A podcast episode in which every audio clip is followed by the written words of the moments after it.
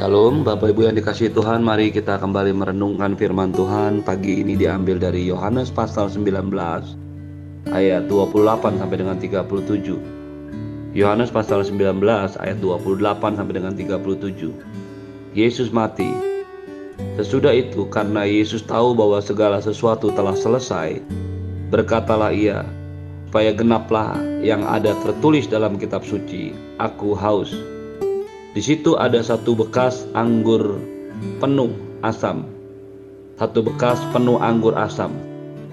Maka mereka mencucukkan bunga karang yang telah dicelupkan ke dalam anggur asam pada sebatang hisop lalu mengunjuhkannya ke mulut Yesus.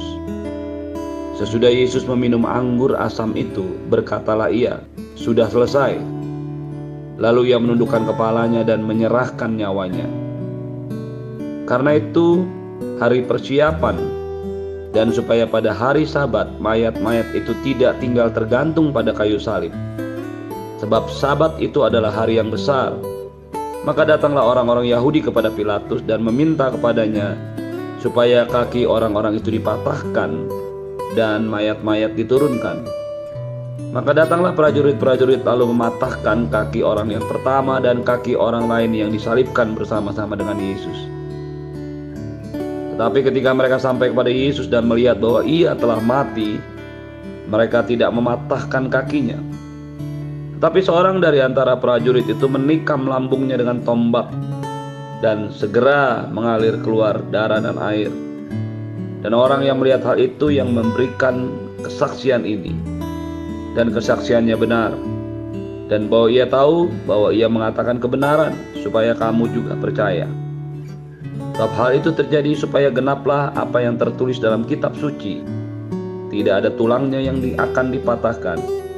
Dan ada pula nas yang mengatakan, mereka akan memandang dia yang telah mereka tikam.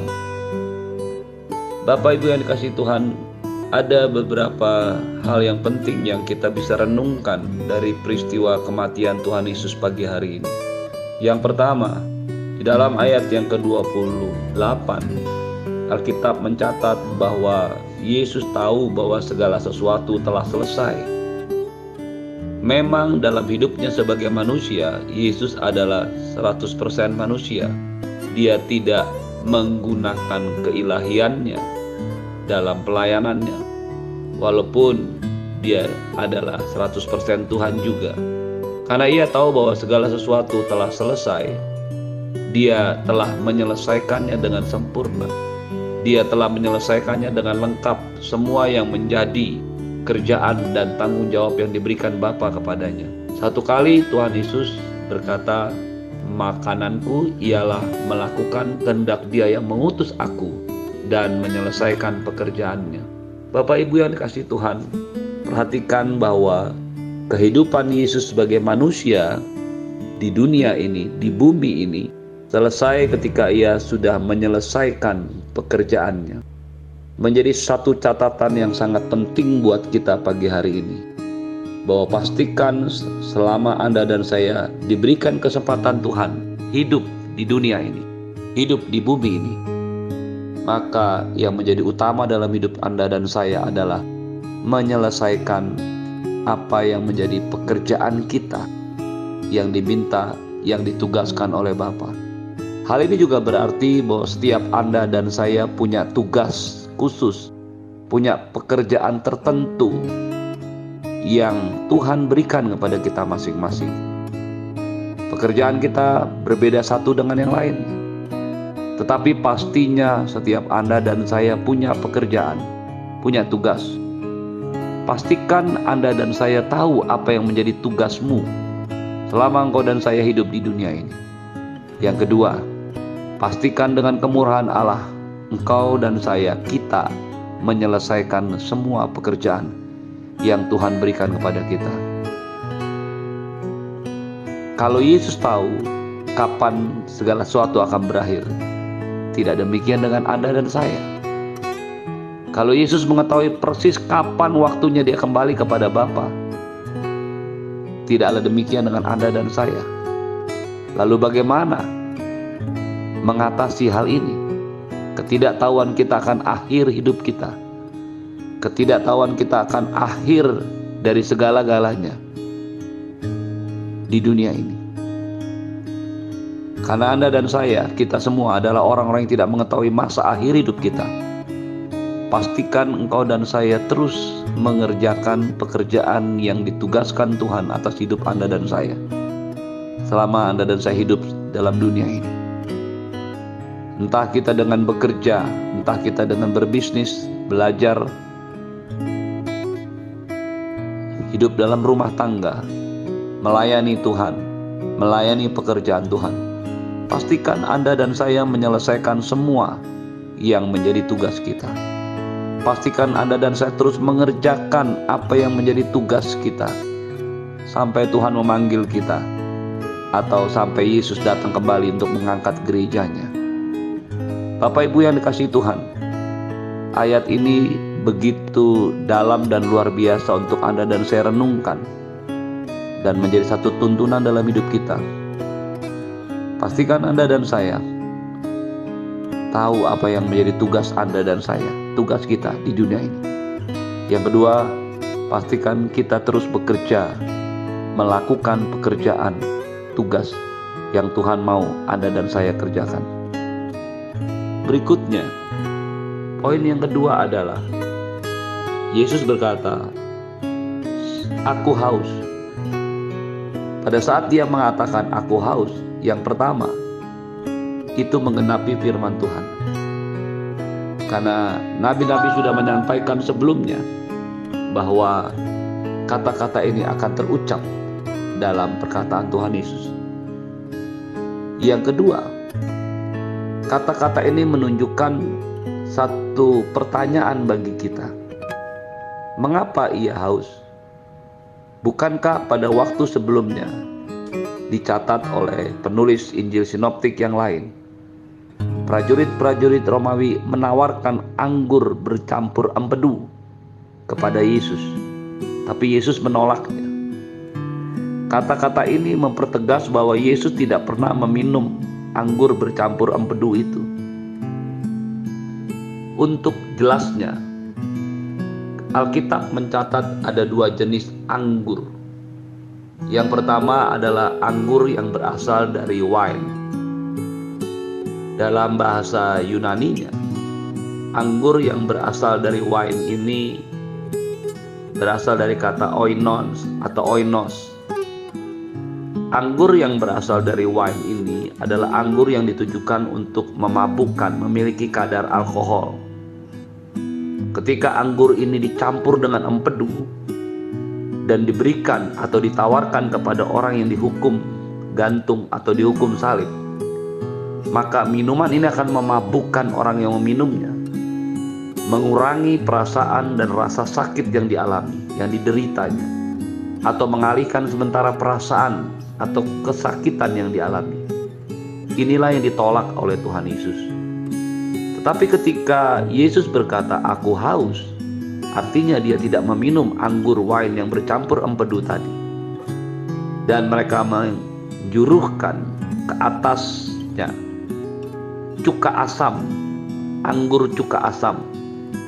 Maka bahasa Yunani yang dipakai itu adalah oxos.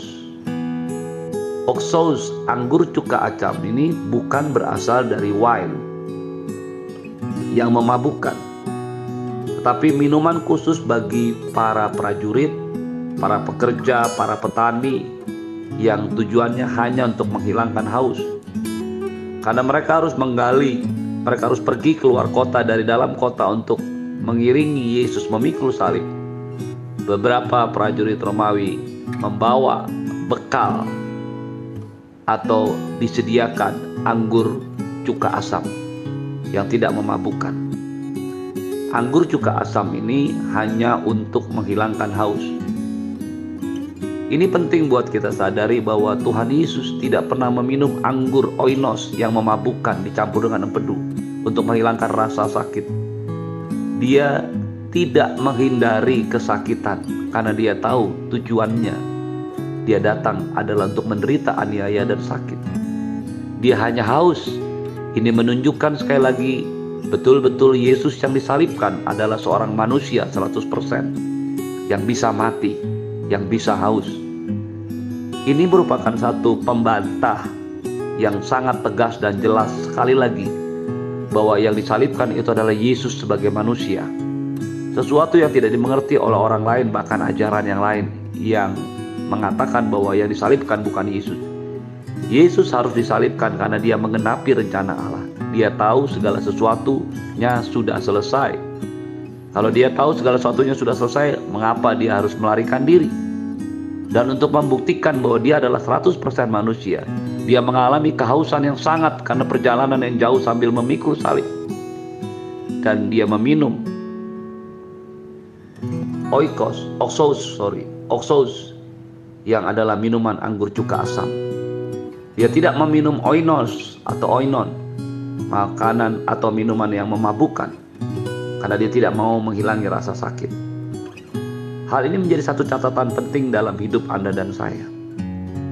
Adalah wajar secara manusiawi, setiap orang pasti menginginkan rasa nyaman, rasa enak, dan menghindari rasa tidak enak, rasa sakit dalam hidupnya. Tidak ada seorang pun di antara kita yang sengaja mencari kesakitan, sengaja masuk dalam perkara atau masalah yang tidak mengenakan. Tetapi kalau dalam rencana Tuhan, Artinya, karena seizin Tuhan, Anda dan saya diizinkan masuk dalam situasi-situasi di mana Anda dan saya harus mengalami semua yang memang menjadi bagian kita dalam kerangka kita memikul salib. Kita tidak bisa menghindari hal-hal yang sulit yang diizinkan Tuhan terjadi dalam hidup kita. Tujuannya bukanlah untuk membuat Anda dan saya menderita karena Allah membenci dan tidak mengasihi kita. Tapi sebagai bagian daripada apa yang Tuhan Yesus katakan, barang siapa mau mengikut aku, dia harus menyangkal dirinya, memikul salibnya, dan mengikuti cara hidupku. Anda dan saya harus siap oleh karena iman, oleh karena percaya, oleh karena mengasihi Tuhan, oleh karena integritas kita di dalam Tuhan. Kita harus meminum sesuatu yang tidak mengenakan, memakan sesuatu yang memahitkan, mengalami hal-hal yang menyakitkan hati, bukan karena kesalahan kita, tapi karena salib Yesus, salib yang Anda dan saya, yang Tuhan Yesus berikan. Yesus memikul salibnya, Anda dan saya juga harus memikul salib kita masing-masing. Salib karena nama Yesus, salib karena iman kepada Yesus dan tidak ada satu orang pun yang mau mengikuti Yesus yang menghindari cara hidup Yesus yang seperti ini. Mereka menaruh cuka asam itu pada ang, pada bunga karang. Bunga karang adalah sejenis spon binatang laut yang tinggal kerangkanya yang bisa menyerap menyimpan dan mengeluarkan air. Dalam bahasa Yunani, bunga karang ini adalah spongos. Bunga karang adalah kerangka binatang air yang terdapat di perairan, laut, timur tengah dan di beberapa tempat lain dapat menyerap cairan dan bersifat elastis. Diambil dari dasar laut di karang-karang. Jadi bunga karang ini adalah sarana atau alat yang bisa dipakai untuk menyerap air dan kemudian mengeluarkannya. Ketika Yesus tergantung di atas kayu salib dan dia berkata, "Ia haus." Prajurit Romawi mengambil bunga karang, menaruhnya di atas ujung galah atau kayu, kemudian mengulurkannya kepada Yesus. Bapak Ibu yang dikasih Tuhan, ini adalah cara minum yang paling mungkin bagi orang yang disalibkan. Dan ini adalah cara minum yang sangat-sangat tidak etis dan menyenangkan.